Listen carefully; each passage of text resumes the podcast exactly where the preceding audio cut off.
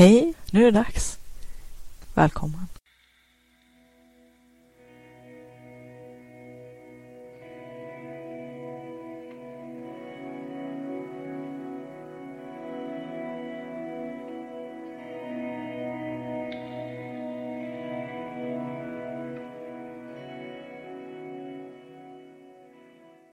Vill du uppleva mera kreativitet och flow, få mer kvalitetstid till ditt skapande och kreativa liv, mer energi och lust, tillgång till dina kreativa superkrafter?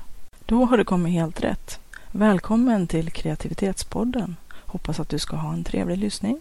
Hej och välkommen till Kreativitetspodden. Vi skriver avsnitt 27 och idag är det en solig dag och ljuset har börjat komma tillbaka. Så att det märks och det känns ju väldigt, väldigt härligt att få lite ljus på sig efter en lång, lång mörk vinter och eh, det är klart vintern är inte ännu slut. Och om du lyssnar på det här och det är sommar så tänk på att ta hand om det ljus som du får och ladda batterierna ordentligt. Men nu i alla fall så är vi, när den här inspelningen sker, på rätt sida av året som jag brukar säga. Ljuset kommer tillbaka, det blir längre dagar och energin återkommer och man får lust att eh, ta itu med saker och ting. Och det är ju himla härligt tycker jag. Och att få stöd lite grann utav ljuset också. Så jag går ut varje lunch och tar en kort promenad, både för att få lite frisk luft och för att få röra på mig lite grann. Men också jättemycket för ljusets skull. Ljus gör så himla mycket. Och de som lider av eh, ljusrelaterade depressioner, höst och vår, brukar ju gå i ljusterapi. För ljuset gör ju att eh, vissa, genom ögonen så stimuleras ju eh, vissa hormoner i kroppen. De som styr när vi ska sova och när vi ska vara vaken.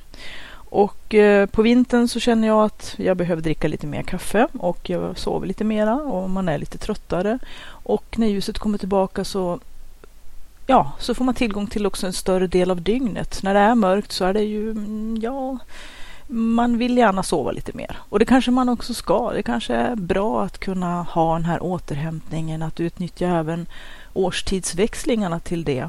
Men också kanske när ljuset kommer tillbaka verkligen försöka få lite fart på ens kreativa och eh, levande liv. Verkligen se livet och ljuset komma tillbaka på riktigt. Och eh, om man lider av vårdepressioner, absolut, jag har respekt för det. Kolla om du kanske kan ordna med ljusterapi eller andra sätt att eh, mota Olle i grind eller i alla fall begränsa de problem som kan uppstå. Jag vet att det är ganska många som lider både av höst och vårdepressioner. Inte nödvändigtvis eh, samma personer, men att det är ett fenomen. Jag vet inte riktigt var jag är någonstans i den skalan. Jag kanske känner lite ångest när det börjar bli riktigt sådär på sent på hösten och känner att oj, oj, oj, nu är en jättelång vinter framför mig. Men å andra sidan, ja, det finns en hel del att se fram emot under vintern också. Jag har ju pratat lite grann om det här förut, det här med nanovrimo som gör november lite roligare för mig. Att få skriva en roman på 50 000 ord. Och eh, man har december att tända ljus och göra lite fint hemma. Det är klart, just den här eh, tiden när man har tagit bort julpyntet och det fortfarande är mörkt, det är lite hemskt. Och så blir det liksom lite kalt också. Men nu har vi passerat det och det börjar bli så pass ljust både på morgnarna och på kvällarna, att, eller på eftermiddagarna, att eh, det känns som att livet är på väg tillbaka. Och det är ju en härlig känsla.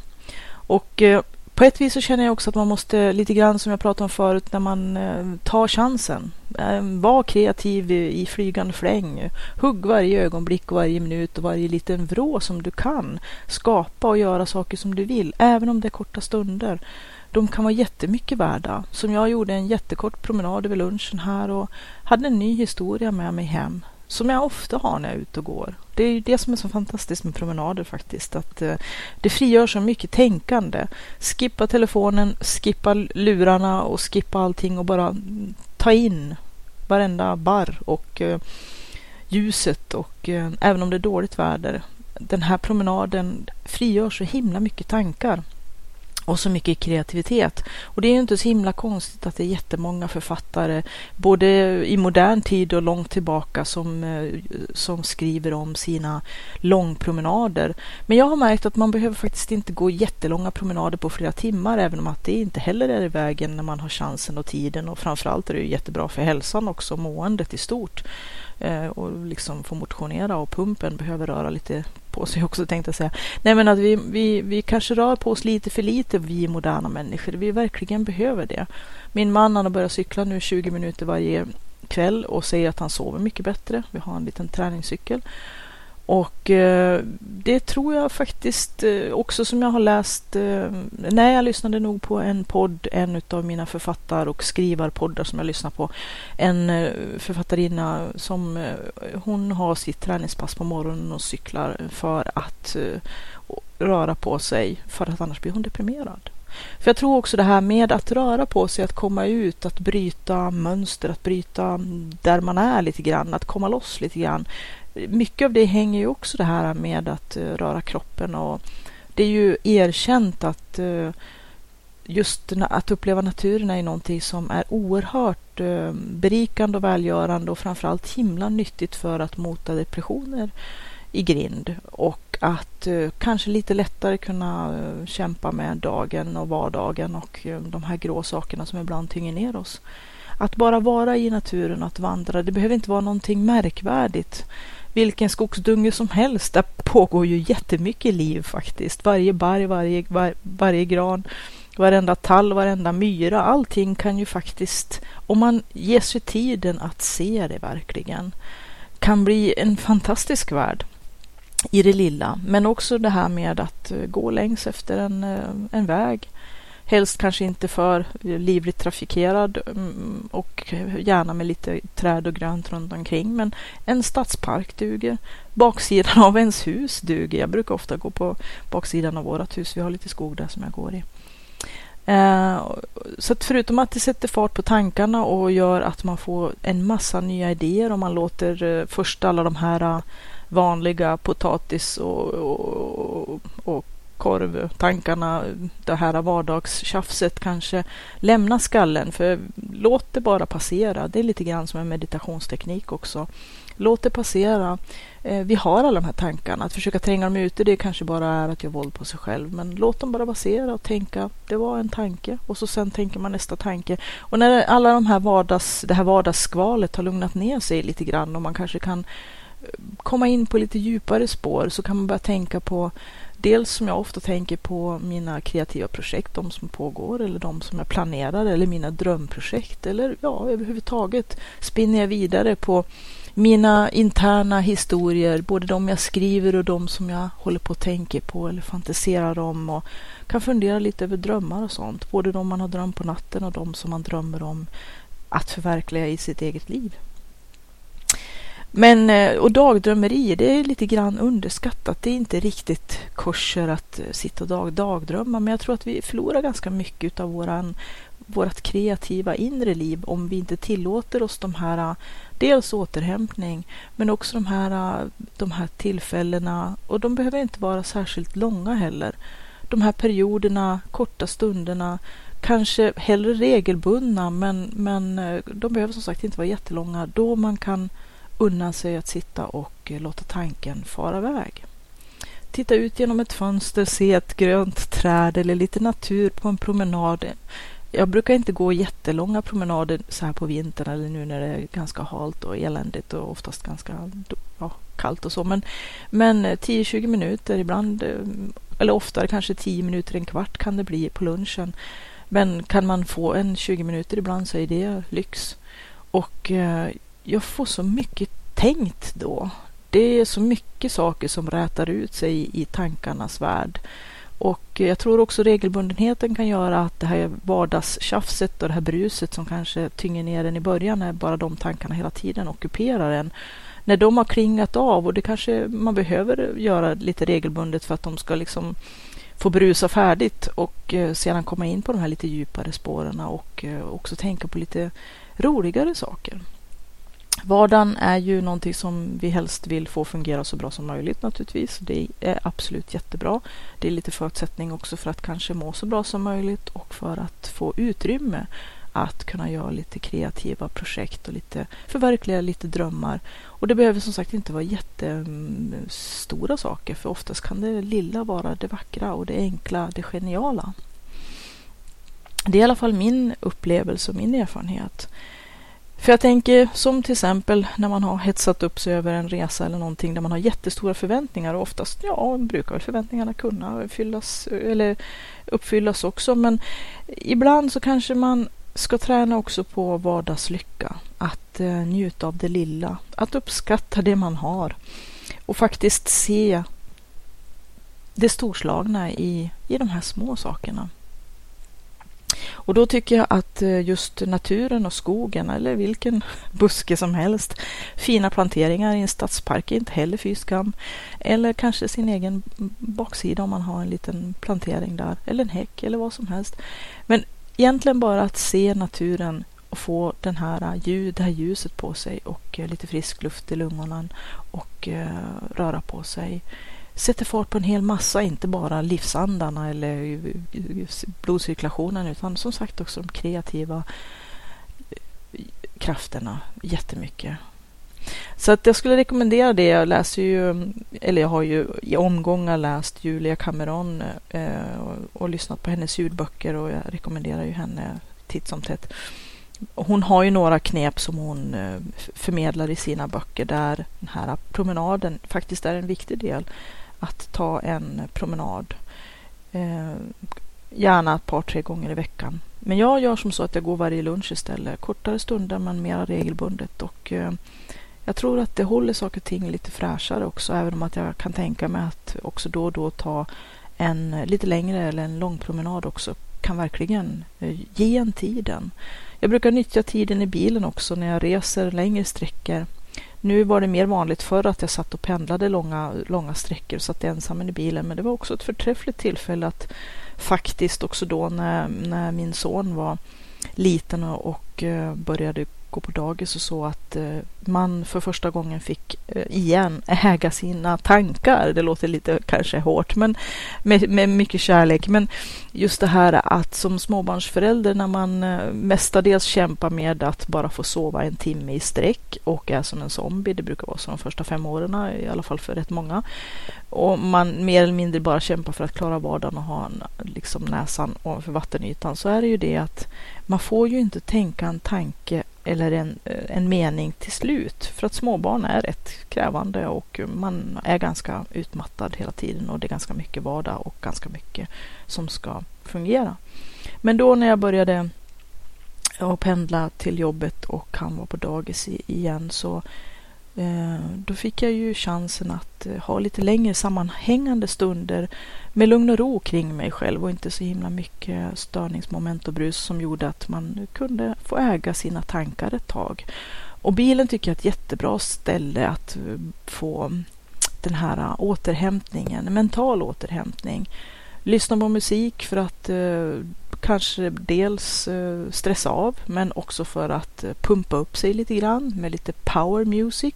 Om man har bra musik som man gillar som man känner att man blir riktigt pepp av, som man får jättemycket energi och som man känner sig taggad av och som liksom laddar en och eh, också faktiskt sjunga i bilen eftersom att jag har upptäckt att det kan vara ett bra sätt också att kanalisera en hel del förstockad energi eller frustration och saker och ting att faktiskt sjunga riktigt högt i bilen när man är ensam. Men helst på, på ensliga landsvägar så man inte skrämmer slag på folk eh, i stan. För det hörs ju faktiskt när, när det låter högt inuti en bil och även eh, det omvända. Men i alla fall att få riktigt tömma lungorna på all kraft man har med lite, eh, med lite utav den musik man tycker är riktigt bra fart i det är ett bra sätt att eh, stressa av och att pumpa upp sig själv lite grann och få lite ny laddning, lite ny energi. Men också ha helt tyst i bilen, inte någon musik, ingen radio, ingenting och eh, få ägna sig åt sina tankar, åt sin inre värld. Och då menar jag inte sitta och grubbla eller att älta en massa gammal skit eller fundera över vardagens eh, redan kanske ganska jobbiga omständigheter utan tänka lite friare. Tänka på de, eh, de kreativa projekt man håller på med eller som man har hållit på med förut och vill återuppta eller de som man önskar att man får syssla med i framtiden eller som man planerar eller hoppas på. Man kan ju faktiskt dra upp lite, lite riktlinjer och planer för dem för att ibland när jag tänker att jag är i riktigt tråkiga situationer där jag helst av allt inte skulle vilja vara men där man kanske måste vara, vänta i väntrum eller göra saker, stå i kö eller sådana saker som är ganska segt och det händer inte mycket. Då brukar jag passa på att eh, planera eller tänka på saker som jag vill göra sen i mina kreativa projekt. Använda tiden lite effektivt och göra tiden lite roligare för mig under tiden som jag måste stå ut med någonting som jag tycker är mest bara dödtid eller transportsträckor. Utnyttja tiden, det här med att eh, skapa och vara kreativa, kreativ i flygande fläng. Det som jag mer och mer försöker själv eh, ta in i mitt eget liv och min egen praktik. Eftersom att jag tidigare har varit en person som gärna vill ha liksom, gott om tid och lugnt omkring mig och sitta i en vrå och kunna liksom, låta saker och ting mogna fram så är det ju det att eh, vill man få någonting gjort så ibland måste man faktiskt eh, lära sig att raska undan grejer lite grann sådär. Eh, för att också få lite styrfart. För att ibland kanske vi, som jag har pratat om förut, sätter upp mycket mentala hinder och är våran egen, vårat eget värsta motstånd. Lite grann som jag pratade om i något tidigare avsnitt, Steven Pressfields böcker Um, ska se om jag kommer ihåg. War of Art och uh, Do the Work och um, mm, ja, titlarna finns uh, nämnda i tidigare episod. Men eh, just det som han har upptäckt om vårat, alla människors eh, inbyggda motstånd, the resistance som han kallar det, som ibland gör att vi hittar på så himla många olika, både kanske verkliga och påhittade skäl till varför vi inte just nu kan, som vi gömmer oss bakom. Det är rädsla och det är mm, motstånd, igångsättningsmotstånd och ja, en massa saker. Vi prokrastinerar för att slippa ifrån saker som vi tycker är lite jobbiga. För att det är ju det här med att vara kreativ är ju lite jobbigt för att det sätter oss lite grann eh, på en spets. Lite, vi blir lite utsatta eftersom att kanske först och främst inför oss själva. Det är himla jobbigt att vara kreativ och göra saker som man drömmer om för att man eh, på något vis så känns det jag vet inte, det är svårt att beskriva det på ett kort sätt men eh, vi har en tendens att göra allting så himla allvarligt på en gång. Det måste bli någonting och det måste bli så bra och det måste bli så perfekt och jag pratar mycket om det förut. Men om man kan skaka det av sig och tänka, jag ska ha kul. Livet är till för att levas och vi behöver vara lite mer lekfulla, se lite mer lekfullt på saker och ting. Och det pratar ju också Julia Cameron om det här med, som i och för sig är lite söndernött och så, tyvärr kanske lite söndernött, men som har ganska mycket sanning i sig att vi har ju liksom övergivit vårt inre barn på något sätt. Att det här, äh, många av de här kreativa konstnärliga delarna i våra, i våra personer det är ju våra delar som vi har haft med oss ända från vår barndom. Alltså, det är ju medfött. Men att vi som barn successivt blir avprogrammerade i en allt mer likriktande och trist vardag där alla ska passa in i mallar och former och normer och schabloner och så sen blir vi till slut, hur är det man säger, att eh, alla original blir till slut trista kopior utav varandra. Vi blir väldigt likriktade att eh, ja, det är lätt också så att, att eh, falla offer i den här grå grottekvarnen förstås. Vardagen ibland är inte så himla festlig och det är många som kämpar skithårt med den. Faktiskt. Det är ekonomi, det är boende, det är alla praktiska saker, det är arbete, det är barn, det, ja, det är mycket som måste, man måste försöka få flyta. Samtidigt som att om vi inte pumpar in energi i någon annan ände utan bara tar ut en massa energi. Det är klart som sjutton att vi blir skittrötta och jätteoengagerade och deprimerade och ledsna och trötta och liksom helst av allt bara vill krypa ner under täcket och gömma oss. För att vi måste ju få lite livsglädje och lite kvalitet och lite energi någonstans ifrån. Men den kommer nog inte från vardagen sådär direkt, även om att det här med att hitta vardagslyckan.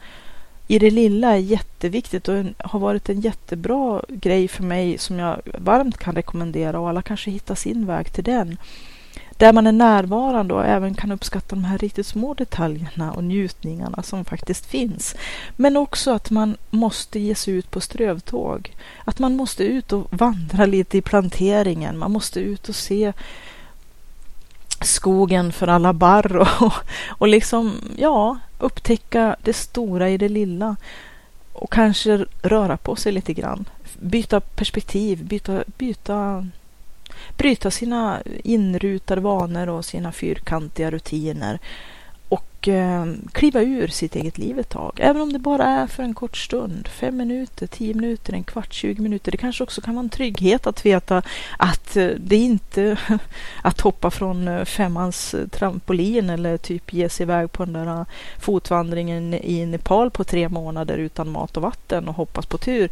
Utan faktiskt små utflykter i ens periferi, i, sin egen omgivning, fast lite grann utanför där man normalt är hela tiden. Ibland kan det faktiskt bara vara att gå en annan väg till jobbet eller gå en promenad och avvika från stigen, ta en cykeltur. Väldigt enkla saker. Men också att kanske bryta sina vanliga normala vardagsrutiner lite grann nästan på pinskiv. Ta en annan väg till och från jobbet. Istället för bussen, ta cykeln eller eller gå. Eller hoppa av buss, bussen lite tidigare, upptäcka nya områden och um, säga ja lite oftare till saker. Saker som vi annars alltid är lite så här segdrar. Vi liksom, ja, det är lite uh, jobbigt men ja, kanske säga ja. Gå in för att säga nu ska jag säga ja till allting som jag är en sån tråkig typ som jag jämt säger nej, nej till. Säg ja lite oftare. Säg ja varannan gång eller säg ja en gång i veckan. Eller som jag gjorde ett tag när jag bestämde att jag skulle göra en helt ny grej en gång i veckan. Sånt som, det kunde vara väldigt eh, små fåniga saker men också sådana här saker som kändes lite halvotäcka. Liksom typ att eh, jag hade sålt en lägenhet och skulle fira det och så gick jag på en restaurang och då hade jag ju bestämt det här att jag skulle göra helt annorlunda saker mot mina vanliga rutiner och istället för att ta det som jag alltid tycker om är, gott Fördelen med att ta det man vet att man blir nöjd med det är att man blir nöjd men man får ju aldrig upptäcka något, ny, något nytt eller några nya favoriter. Samtidigt som man inte utsätter sig för att upptäcka någonting utan man bara kör på säkra kort. Det är lite defensivt spel. Eh, så jag bestämde då att jag skulle beställa någonting från menyn som var sånt som jag aldrig hade provat och sånt som var lite småläskigt. Och just den veckan hade de fransk vecka. Det var ju liksom typ upplagt för det. Så jag beställde sniglar i vitlök och vitlöksbröd till som faktiskt var helt okej. Okay. Och jag fick lära mig att äta någonting jag aldrig hade ätit förut. Jag var tvungen att fråga personalen hur man gjorde med de mystiska besticken och sådär. Och det var faktiskt inte så hemskt. Det var ganska gott faktiskt, även om att det mest smakade vitlök. Men det var den här grejen att utsätta mig själv, utmana mig själv att göra någonting som jag normalt inte gör. Som kändes lite småläskigt för att eh, jag inte direkt har varit så jättedragen till att äta Eh, just sniglar. Så. Inte för att jag har någonting, jag är ganska okräsen så jag har ätit det mesta när jag var ute på resor och sådär. Men men ändå, liksom. I våran vardag är det väldigt lätt att vi kör fast i de här äh, bestämda spåren. Vi vet vad vi gillar och så kör vi efter det för att vara säkra på att inte bli missnöjda. Vi vill inte riskera någonting, men å andra sidan vinner vi inte heller någonting nytt eftersom att vi inte har vågat prova någonting nytt. Man måste våga prova någonting nytt för att upptäcka nya favoriter och ibland kanske man upptäcker saker man inte tyckte om. Men det är ju också en erfarenhet. Och som skrivande människa så är ju alla erfarenheter värdefulla, brukar jag intala mig själv, och att inget kreativt arbete är bortkastat. Även om det inte går att använda just till det som det är tänkt eller överhuvudtaget till någonting så är det faktiskt en process, en utveckling och ett sätt att upptäcka saker som indirekt eller direkt kan bli användbart i ett helt annat sammanhang. Hur märkligt det just vid tillfället än kan verka. Och just det här med de kanske erfarenheter som inte är sådär jättetoppen underbara så, så faktiskt, eh, som jag sa tidigare i någon väldigt tidig, eh, tidigt eh, avsnitt av podden, just det här med att de tuffaste grejerna i livet har oftast förändrat oss mest och många gånger när vi tittar tillbaka så kan vi tänka att det och det skulle jag aldrig ha gjort eller de och de besluten skulle jag aldrig fattat om jag inte var tvingad eller om inte det hade blivit en sån och sån ganska hemsk situation. Men i efterhand kan vi ju märka ibland att det som vi då var oerhört eh, stressade kring och var väldigt, inte direkt eh, jätteglada för och sådär. Ofta är det de här svåra sakerna som har format oss och lett till nya beslut som sedan har visat sig vara väldigt bra eh, ja, vägval eller vändningar i livet som har lett oss till nya vägar och till nya upptäckter och till eh, upptäcka oss själva som lite våra nya sidor, saker i oss själva som vi inte visste om att vi hade i oss. Och de här äh, ganska tråkiga erfarenheterna eller jobbiga sakerna som vi ibland måste jobba oss igenom, det är ju, även om det är det kanske lite tråkiga sättet att lära sig på, men det är det som är också oftast det mest utvecklande. Att bara sitta och jäsa och äta mm, jordgubbstårta är ju inte direkt utvecklande, även om det är rätt mysigt eh, i alla fall ett tag. Men det är ju det som är problemet, att vi behöver lite motstånd, vi behöver lite utmaningar, vi behöver lite friktion för att vi ska utvecklas och växa och, och de här äh, ibland lite kämpiga upplevelserna är det som i efterhand, oftast långt efterhand, både kan bli intressanta och ibland till och med roliga historier. Lite dråpliga anekdoter och sådär. Men som man säger att eh, kreativitet, det är ju någonting som eh, inte alltid är så strömlinjeformat. Det är inte det här som bara ligger nätt och fint i färdigpaketerade små söta rara paket med, med sidenband. Ibland är det ganska, ganska omvälvande och häftiga saker som kanske skakat oss rejält och, och vid stunden kanske inte var toppen underbara. Men i efterhand så kan vi se att om det inte hade hänt hade vi inte blivit den vi är idag. Och eh, många av de här händelserna, för mig i alla fall, har ju lett till en hel del kreativa möjligheter.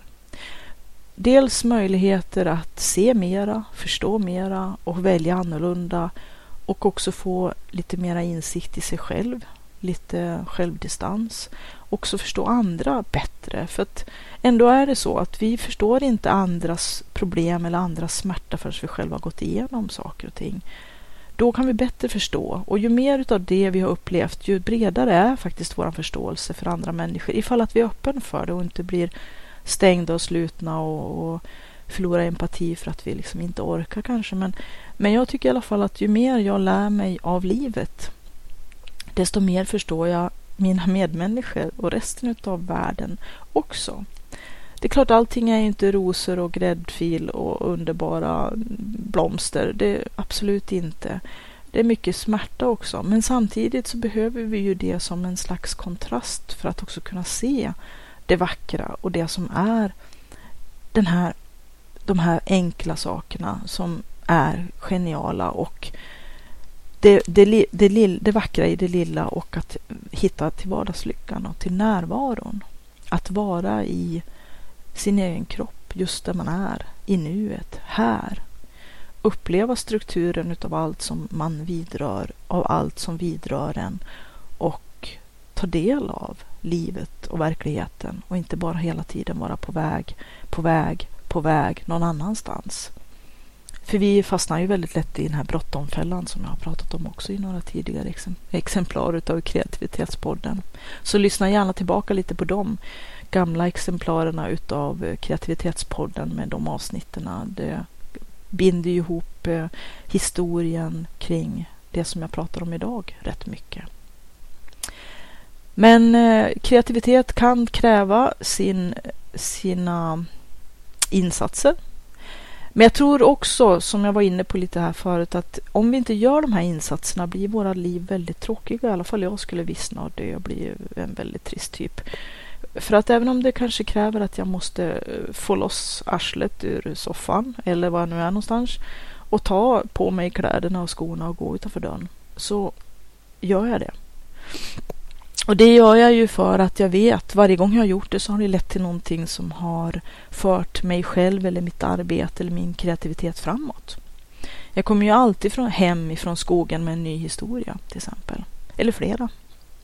Och då brukar jag försöka kasta ner anteckningarna, oftast bara stödord för att inte tappa bort dem, för att jag kanske inte just då hinner jobba med dem eller tänka mera på dem, men jag vill inte tappa bort dem. För det är lite grann som med drömmar. Eller med såna här bra idéer som man hela tiden får. Jag har ju pratat om det förut. Se till att ha papper och penna eller din, något anteckningsprogram i mobilen, Evernote till exempel. Eller eh, spela in minnesanteckningar kan man ju göra såna här korta inspelningar, ljudinspelningar på telefonen. Eller om man har en sån här liten eh, MP3-spelare med inspelning eh, att fånga alla de här konerna när man är på språnget eftersom att det som man trodde att man aldrig skulle kunna glömma för det var så himla himmelens eh, Wow, vilken grej! Och sen senare på kvällen eller eftermiddagen när mycket vatten har runnit under broarna så undrar man, men gud, den där jättebra idén jag hade, vad var det nu igen? Eller den där drömmen som var så fantastisk och så lysande och som var så tydlig när jag vaknade, vad tog den vägen någonstans? Att ta de här korta två minuterna att bara kasta ner några stödord, för bara några stödord, för mig i alla fall, kan jag i efterhand återkonstruera alltihopa. Eftersom att jag behöver bara det som en liten en liten tändgnista för att liksom eh, hjärnan ska koppla tillbaka de kretsarna som är väldigt det är lite grann som det här med långtidslagring utav minnen och sånt där. Att först lagras det ju i det här, i det här äh, arbetsminnet som inte, inte lagrar någonting utan det bara fluffar bort. Men eh, har man kvar de här små konerna så kan man ju faktiskt eh, återskapa oftast ganska mycket av ens eh, de här eh, väldigt ytliga eller fragmentariska eller fluffiga minnena och så sen eh, få behålla dem. För att eh, när jag läser i efterhand alla mina anteckningar om idéer och tankar och ja, fantasier, drömmar, uppslag, ja massa saker så här så kan jag, kan jag ibland bli nästan alldeles oj oj oj. Har jag tänkt ut så där smarta grejer? Wow, liksom så här då när jag läser allting så här i efterhand. Och eh, jag hade inte fångat de där grejerna, de, alla de där tankarna och drömmarna och idéerna, då hade de ju varit borta nu. Jag hade ju aldrig kommit ihåg eller kunnat återska, återskapa ett enda skit av det faktiskt på ren svenska, ursäkta. Så att eh, det är ju liksom som en skatt. Och egentligen var det ju det jag skulle prata om idag. Det var ju det här om eh, mina anteckningar. Och du har säkert kanske dina anteckningar eller i så fall borde du annars börja föra anteckningar. Ehm, jag skriver ju en hel del dagbok eh, som Julia Cameron för, förespråkar att man ska skriva varje morgon. Det hon kallar för morgonsidor för att liksom så att säga slaska ur sig både stort och smått och litet och lågt och precis allting. Det är som en slags eh, också mm, eh, en säkerhetsventil och att avreagera sig, få ut frustration. Och, men också kasta ner för att kunna se mönster i efterhand. Så, saker som upprepas hela tiden till exempel. Eller idéer och sånt. Man kan fånga upp allting där. Skriver man en eller ett par sidor för hand varje morgon så kommer det bli en hel stack av saker som, ja, mycket, mycket skit också, men en hel del kanel också för den delen. Och sen att försöka samla ihop de här konerna utav det som är eh, saker man vill jobba vidare med eller som man ser är bra. Eh, bra, nu igen, jag tycker inte om när det blir värdering eller prestation eller saker som eh, men saker som man känner, wow, det här, det här kan verkligen föra fram saker som jag vill ha i mitt liv. Och också kanske se de här mönstren som återupprepas som man inte vill ha, som man då kanske kan börja göra någonting åt. Ser man att man hela tiden gnäller om samma sak, morgon efter morgon efter morgon, då kanske det bara blir dags att se vad är problemet? Ta tag i roten. Lös det här. Jag kan inte ha det så här något mer. Eller så kan det vara att man behöver den här av, att få avreagera sig, få slaska ur det här, det här bruset som jag pratade om förut, det här vardagens gråa. Bara man inte fastnar i att bara fortsätta älta och älta och älta och, och liksom ja, inte kommer loss. Eh, inte för att skaffa någon offerkofta, men liksom typ ibland behöver man avreagera så det kan vara bra att få göra det på olika sätt och få loss lite frustration, en säkerhetsventil helt enkelt och få ventilera ut lite negativ energi för att kunna få plats med lite positiv istället. Men om det blir ett självändamål, ja då kanske man måste ta tag i det på något sätt för det har jag sett många fastna i också. Men för att återgå till anteckningar, jag har en hel bunt här med anteckningar och jag blir nästan lite stressad när jag ser dem för att jag, eh, jag skriver som sagt dagbok i både på papper och i datorn i lite olika format på lite olika ställen. Det stör mig inte så mycket för det har jag rätt bra koll på. Men alla mina idéer och alla mina utkast och alla mina tankar och förflugna saker som jag kastar ner på allt löst papper jag hittar och sen i och för sig ehm, smart nog i alla fall samlar i buntar med ett papper runt omkring där det står en rubrik eh, när jag har sorterat papperna lite grann efter vad det är för olika ämnesområden så, så finns ju åtminstone någon slags struktur men det känns som att alla de här anteckningarna nu behöver tas om hand. Och det är väl det som jag är lite stressad för att eh, jag har börjat, absolut, jag har börjat skriva ner, skriva rent i datorn de här anteckningarna för att jag känner som att första steget är ju att skriva rent dem och få dem på i någon fil i datorn som man sen kan börja och bena lite grann och strukturera upp dem. För att eh, det finns en hel del saker som är användbart här som jag, vill, som jag vill använda. Och nu har jag tagit den mappen som handlar faktiskt om kreativitetspodden. Det är ju ganska passande. Och den mappen, eller ja, det är ju liksom en massa som jag skriver ju väldigt mycket på baksidan av kuvert och på eh, utskrifter som inte blev så bra så ska jag vika ihop dem till en sån här eh, på mitten så att det blir mm, den blanka sidan utåt så man har, man har två sidor att skriva på som ett litet A5-format då. Jag har numrerat dem också i den ordningen som jag har skrivit dem till stor del i alla fall. Så att eh, om det är en del papper som hänger ihop som är skrivna kanske när inte pappret räckte så så ser jag liksom det. Men det är rätt mycket mm, både sådana här ah, misslyckade utskriftspapper fullklottrade och eh, baksidan på kuvert och sådär. Så att det är mitt eh, nästa projekt här att jag har ju några flera sådana här buntar som inte rör podden utan som rör lite andra områden som jag håller på att jobba med. Ehm, men eh, jag tänker att det är väl dags att ta hand om det här nu och eh, tanken faktiskt till den här podden som jag eh, ville prata lite grann om var det som en av mina vänner den här veckan tog upp i telefon när vi pratades vid. Vi pratar då och då med varandra. En, en oerhört intelligent och, och, intellektuellt begåvad person som jag verkligen uppskattar att prata jättemycket med. Och där har man ju nästa grej som jag tycker är jättebra. Jag har pratat en del om det här med att nätverka och att försöka träffa likasinnade och sådär i tidigare avsnitt. Men det är också en sån här sak som verkligen också kan lyfta en eh, ta ut sitt Eh, arsel ur soffan och gå till de ställen där det finns bra folk som är likasinnade, som har samma intressen, som man har någonting gemensamt med, som man kan ha utbyte med. Och det kan ju vara via nätet, det kan ju vara fysiskt, det kan vara nätverksträffar i företagande om man nu håller på med sånt som jag, eller det kan vara olika diskussionsgrupper på nätet eller olika Facebookgrupper inom vissa specialområden där man är intresserad och sådär. Jag är med i vissa författargrupper till exempel. Det finns massvis med, med förslag. Men den här kontakten som jag har en person som jag pratar rätt mycket med och som är vansinnigt stimulerande för mig att prata med och jag förmodar att han tycker att jag är lika intressant att prata med eftersom att vi fortsätter hålla kontakten och ha ett, ett intensivt utbyte. Mestadels via telefon eftersom att vi bor på väldigt olika ställen. Men då så ställde han en fråga som jag själv har brottats en hel del med och det var just det här hur ska man ordna allt sitt kreativa material? För att det är också en sån här person som mig som skriver jättemycket och tänker jättemycket och håller på att finula med en massa saker och researchar en massa saker inom lite olika områden och så. Men efter ett tag så blir ju stackarna lite höga och lite många och lite stökiga och man känner liksom hjälp. Jag vill ju faktiskt få lite eh, koll på läget och jag vill inte tappa bort allt det här som jag faktiskt eh, har samlat och som jag känner att jag vill använda.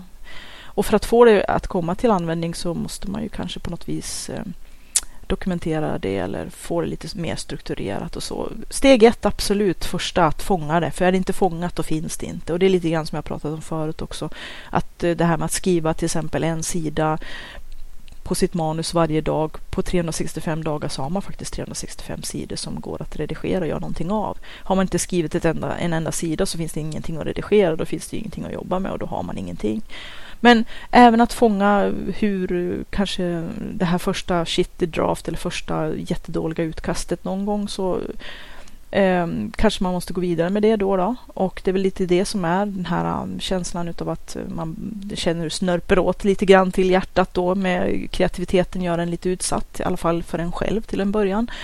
Det är ju ingen annan inblandad just precis eh, då om man inte längre fram ser att man kommer att kanske publicera eller visa upp arbetet. Det kanske leder till det till slut, men inte allt arbete och kanske inte på direkten. Det är ju långa processer så att man kanske inte egentligen behöver bli orolig nu över vad som ska hända sen. Men det är också en sån här grej som jag har sysslat rätt mycket med förut. Att oj, oj, oj, tänk om det och det händer och jag vill inte att det och det och gud vad hemskt och nej, vad, vad jobbigt och vad besvärligt. Och man känner sig utsatt redan innan det ens har hänt ungefär. Liksom. Ungefär som att någon eh, redan har börjat pusha en till att eh, jag vet inte vad, synas i tv-soffor och bli filmad eller fotograferad eller vad som helst. Ja, sådana saker som en person som jag som helst vill ja, lite ensamvarg och vill göra mitt jobb i fred och helst verka men inte synas så mycket.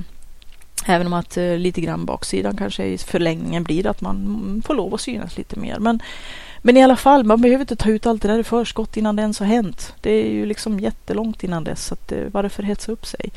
Men eh, nästa steg är ju ändå att försöka samla alla de här eh, små guldkornen som man har lite hittan dittan och som ligger lite ostrukturerat här och där och liksom ordna upp högarna lite grann och få, se, få lite överblick helt enkelt. Och, eh, den här strukturen att eh, ja, kanske ta nästa steg och kunna använda det till det som det är tänkt till. Allting kanske inte kommer till användning men eh, det är ju material som eh, bildar en grund, en grundplatta för det som man har tänkt att skapa. Research, det är ju jättebra, även om att eh, även där kan det ju finnas fällor att det är lätt att fastna i researchen. Nu kanske jag inte bara pratar om det här med att kasta ner idéer och tankar och drömmar och sånt där, utan även eh, helt enkelt fakta och data och sånt man har researchat fram eh, som eh, man har som, som grund eller stöd i, mm, i alla fall när det handlar om skrivande eller att skapa olika typer av drama. Det kan ju vara för film eller teater eller för ja, en massa olika live kanske. Man kanske sitter och ritar ihop eh, rollspel. Mm, är spelledare eller mm, mm, spelkonstruktör, vad som helst. Det finns ju jättemånga olika områden. Men att inte fastna i research. För det är ju lite grann av en fälla för mig som älskar att lära mig saker. Att man kanske kan researcha, researcha, researcha ända tills man nästan dör. Och så kan man fortsätta researcha för att det är ju också lite grann utav en prokrastineringsteknik ibland. Att nej, nej, nej, jag måste veta mer om det här. Och, och research har ju en tendens att leda till alla möjliga intressanta spår. Så det gäller ju liksom att kunna ibland också kunna säga nej till sig själv. Jättesvår sport. Speciellt som det är som sagt jätteintressanta grejer som man håller på och researchar och jag älskar att lära mig nya saker.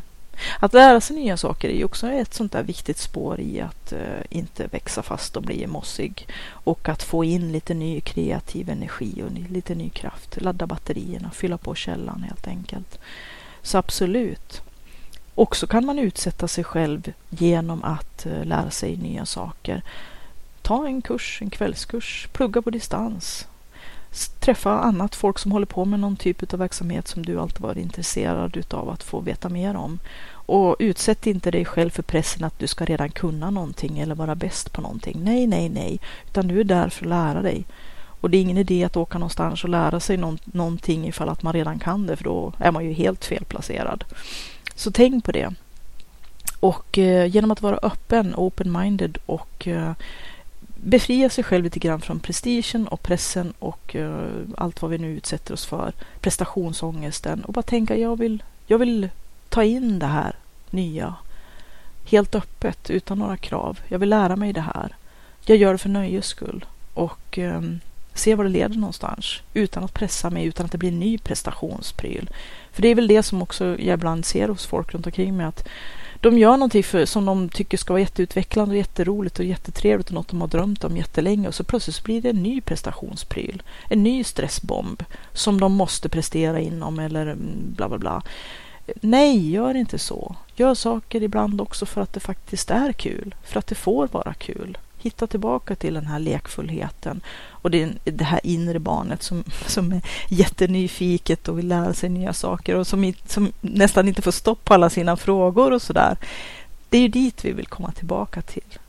Men ändå inte kanske då fastna i en andra motsatta fällan som jag ibland lite grann hamnar i och det är ju att researcha saker och ting för att det är så fantastiskt spännande och intressant och kan leda ner i vilka som helst rabbit holes att man kan följa det ena kaninhålet efter det andra och nästan aldrig hitta ut nära på. Eller som man brukar säga i branschen, analysis paralysis, att man till slut har strukturerat och analyserat sönder saker och ting så pass mycket att man ändå tycker sig behöva ännu mera beslutsunderlag för att kunna gå vidare.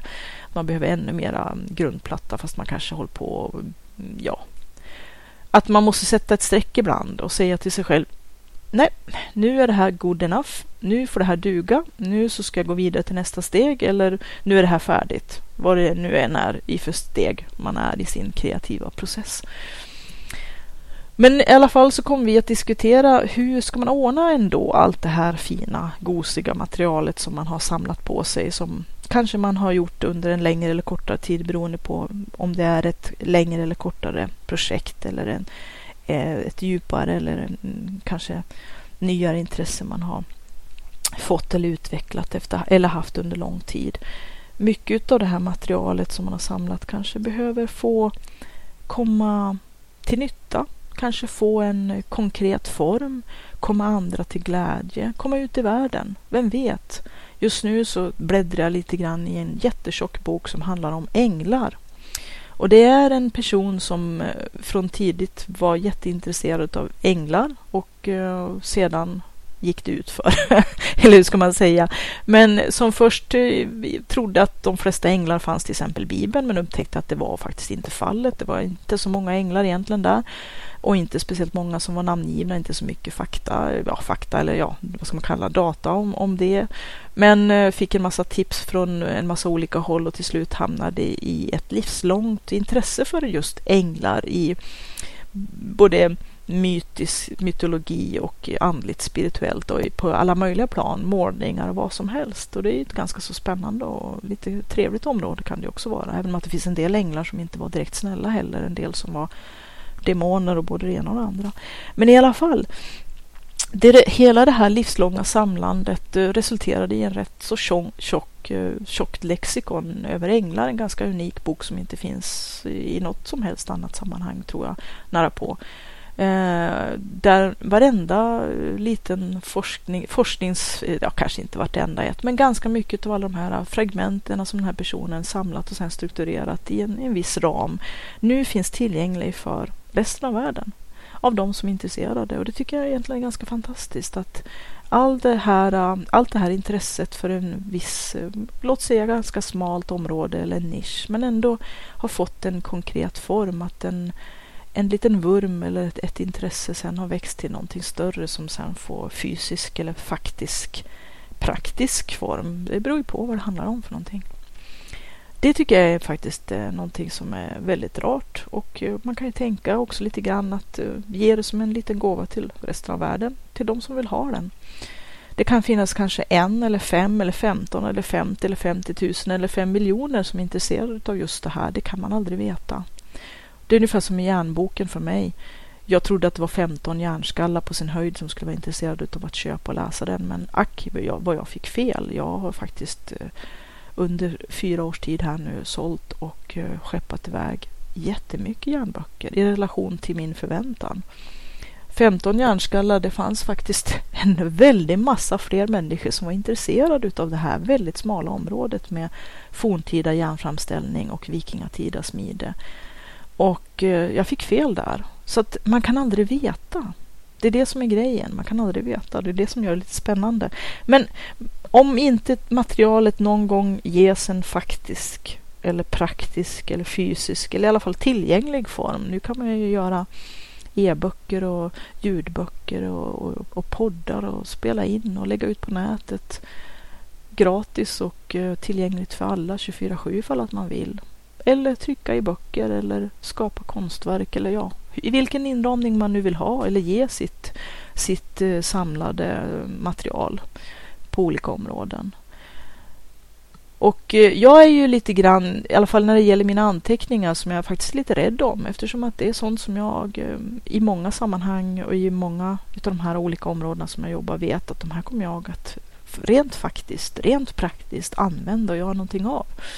Så jag vill ju vara rädd om materialet, förvalta det och liksom strukturera upp det och faktiskt inte låter fara all världens väg eller råka rinna mellan fingrarna eller försvinna mellan golvspjälorna utan jag vill faktiskt eh, ta hand om alla de här alla de här ströanteckningarna och de här ibland eh, uppenbarelserna som man liksom ibland bara slås av. Man ser ett nytt sammanhang, ett nytt samband eller bara slås av en sak och så snabbt rafsar ner det på ett papper och ja, som sagt den här bunten bara för podden har blivit rätt tjock nu och jag skulle ju vilja förmedla det ut till podden, till er och berätta om allt det här som alla de här äh, roliga och nyttiga idéerna och uppslagen som jag har fått. Men äh, då måste jag ju strukturera upp det hela först. Så till min vän så sa jag det att just nu så jobbar jag faktiskt med exakt samma problem som dig och det är att strukturera mitt äh, kreativa material, allt som jag har samlat och researchat och alla mina tankar och idéer under mm, förhoppningsvis någon slags gemensam struktur eller ram eller under samma tak på något sätt så att det ska bli lite lättare att eh, bena ut och få syn på saker och ting och kunna rent faktiskt använda det. Och vi hade lite grann samma problem där. Vi ska väl fortsätta ha de diskussionerna på telefon hoppas jag. Och eh, det som jag sa till honom då det var att just nu så för mig är det Scrivener som är ett fantastiskt program för att skriva långa texter i, manus, där man eh, också kan strukturera texter på ett sätt som absolut inte går i en ordbehandlingsprogram som är fantastiskt bra på många sätt. Men jag kompletterar det med Evernote som jag kör via eh, nätet. Man kan ju också ha det ligga på datorn och man kan ha det som en app i telefon. Alla de kan vara kopplade med varandra. Och Evernote tycker jag är ett fantastiskt bra sätt att eh, också, där har jag ju Eh, en hel del också av mina anteckningar, de som jag inte har skrivit på lösa blad och så. Och där tänker jag mig att kanske det skulle vara smart att börja lägga upp eh, egna små anteckningsböcker just för till exempel då poddens anteckningar. Och sen kanske samla ihop och göra någonting av det i, i skrivener också. De här kan man koppla ihop med varandra så att de kan kommunicera med varandra om man vill. Jag har inte än börjat med det men jag kommer att göra det. Och eh, förutom det så har jag också som jag nämnt tidigare så använder jag Dropbox för att eh, säkerhetskopiera sånt som jag jobbar med just precis på dagen och som jag kanske inte hinner säkerhetskopiera till alla mina andra vanliga ställen där jag säkerhetskopierar med lite större eh, mellanrum emellan för att samla foton och eh, texter och eh, kreativt arbete som jag gör eh, då och då och förvara på olika ort ifall att det blir brand eller stöld eller vad som helst. Så att man inte blir av. För det är himla tråkigt. Ett manus som man har kanske suttit och skrivit och arbetat med under flera år. Om man får sin bärbara dator stulen och manuset försvinner och man bara har det exemplaret och den säkerhetskopian där så då är det ju lite kört för en. Och det är ju, jag vet ju folk som har förlorat typ fem års forskningsarbete när deras bärbara har blivit stulen. Så så se till att säkerhetskopiera på USB-stickor eller på bärbara hårddiskar och tänk på att även sådana kan både försvinna, bli trasiga, bli stulna och sådär. Att ha, ha säkerhetskopior på saker som inte kan återskapas så lätt på flera ställen. Det kan ju vara foton, det kan ju vara manus, det kan vara texter, det kan vara konstverk, det kan vara ja, allt möjligt.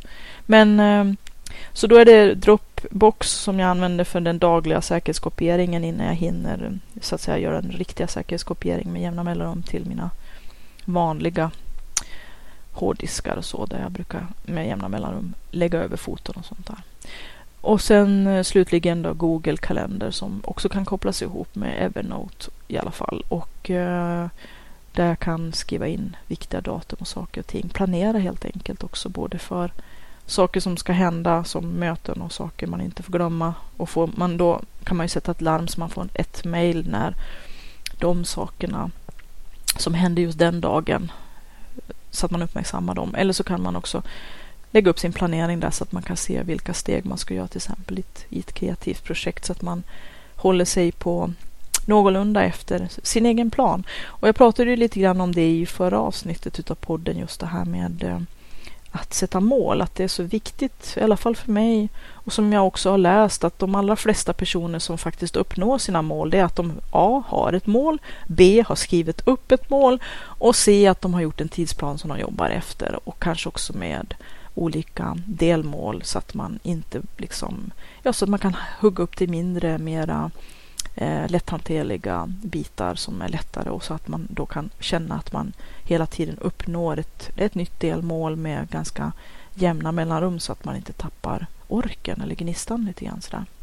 Och att jag nu då faktiskt väldigt framgångsrikt måste jag säga med viss förvåning fastän att jag är, är ju en sån person som behöver ha lite deadlines. Jag tror att de flesta behöver det för att få något gjort för att få ändan ur vagnen. Men att det fungerar till och med ännu bättre än vad jag till och med hade trott. Det här med att sätta det här, den här nya funktionen i NanoVrimo eh, som jag skryter så mycket om. Eh, men där finns ju den här att man kan sätta goals, eh, goalposts tror jag det heter. Och jag hade ju satt mitt det här manuset som jag jobbar med just nu som eh, ett mål där med antal ord som jag ska mm, eh, korreläsa och redigera. Och eh, jag loggar in där på Nanovrimo och automatiskt så blir jag triggad att jag måste se till att hålla den här stapeln jäms med hyggligt eh, hålla den efter min utritade mållinje för att inte tappa för mycket mark och sådär. Och ibland när jag tappar lite för mycket mark så blir jag liksom konstigt nog inte avskräckt av det utan då blir jag lite ännu mer så här nej. Nu så ska jag se till att den här eh, stapeln kommer lite tillbaka lite närmare den här mållinjen. Och så var det igår till exempel. Jag loggade in efter att ha projektet legat några dagar, och gjort lite andra saker och så sen så såg jag okej, okay, den här stapeln har ju sjunkit naturligtvis i relation till, till eh, mål, mållinjen eller eh, den här växande kurvan. Hur många ord jag ska uppnå varje dag. Så att jag eh, startade raskt Skrivener och började redigera av eh, vild jag vet inte vad jag varit. Det är ju jättekonstigt alltså för jag kan bli så här lite vrång annars liksom om jag känner mig tvingad till saker. Men där är det liksom eh, blir jag lite envis på ett motsatt håll att nej, jag ska minsann eh, inte tappa mark här och nu jädrar i den så ska jag komma ikapp och så sätter jag mig ner och så sätter jag igång och plötsligt så ligger jag på strecket igen. Och det är oerhört tillfredsställande. Och det är rätt sådär som jag pratade om förut, jättefåniga mekanismer i våran mänskliga eh, natur, men det funkar ju varje gång. Så varför inte försöka hitta alla de här mekanismerna som får oss att eh, få ändan ur vagnen helt enkelt och få saker och ting gjorda.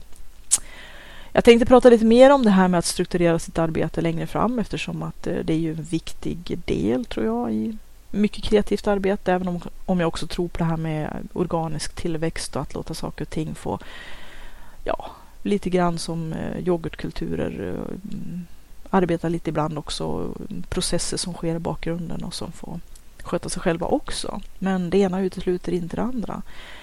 Men det här med att försöka strukturera arbetet har ju blivit mer och mer angeläget nu när högarna blivit lite större på vissa områden. Så att, eh, och jag kommer ha mera samtal med min vän så vi kommer säkert komma fram till en hel del ömsesidiga tips och trick som jag ska försöka förmedla i så fall till podden. Och jag hoppas att ni får en fortsatt kreativ dag och kreativ vecka. Kör så det ryker och ha det så gott! PS.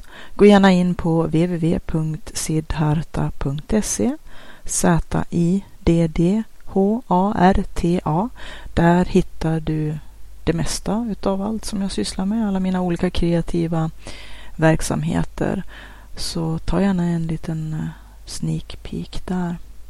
Och där finns det också en länk som heter bidra längst uppe eh, till vänster. Klicka på den och kolla vad du kan göra för att bidra till den här podden. Jag har eh, också satt ut min eh, hemsidesadress och eh, e-mailadress i loggan på Soundcloud så om du lyssnar där så ser du hur du kan kontakta mig därifrån. Och på siddharta.se så finns det ytterligare kontaktuppgifter. Så att om du har frågor eller vill mejla någonting som du vill att jag ska prata om på podden så gör gärna det. Och bidra gärna på det sätt som du själv vill. Tack för att du har lyssnat på den här podden. Hoppas den var till mycket nytta och glädje. Om du vill läsa mera om Siddharta, gå in på www.siddharta.se Z-I-D-D-H-A-R-T-A.se. Där finns också kontaktuppgifter så att du kan till exempel mejla om du har frågor eller kommentarer eller vill ta upp något ämne som du gärna vill höra på podden i framtiden. Välkommen att höra av dig. Kreativitetspodden har också en egen Facebookgrupp så att om du söker på kreativitet eller kreativitetspodden så hittar du kreativitetspodden på Facebook. Anmäl dig gärna där som följare så får du uppdateringar löpande om nya avsnitt och saker som händer på kreativitetsfronten. Du kan också gå in på www.sidharta.se och klicka på länken högst upp till vänster bidra för att se vad du kan göra för att hjälpa den här podden att fortleva och att visa ditt stöd. Så gå in där på bidra så ser du hur det går till. Jag som driver kreativitetspodden heter Katrin Sidharta Tangen och jag är författare, järnsmed, driver www.sidharta.se och Sidhartas webbutik jag har skrivit flera böcker, bland annat Skapa och sälj, som är en handbok för entreprenörer, kreativa och skapande människor. Jag har skrivit Forntida järn, Ancient Iron, som handlar om forntida järnframställning och eh, vikingatida järnsmide. Jag har även skrivit Pitch 13, som är en serie i genren Dark Urban Fantasy och eh, nu finns även ljudboken för kreativitet och flow enligt Siddharta. Allt detta kan du hitta på www.siddharta.se där du också kan gå in i butiken, Siddhartas webbshop, där böckerna kan köpas till bästa pris. Böckerna kan också hittas på Bokus och Adlibris och på de vanliga ställena där du köper böcker. E-böckerna kan också köpas via Kobo och eh, Amazon med flera ställen där e-böcker säljs. Ha det gott. Tack för att du har lyssnat. Hej då!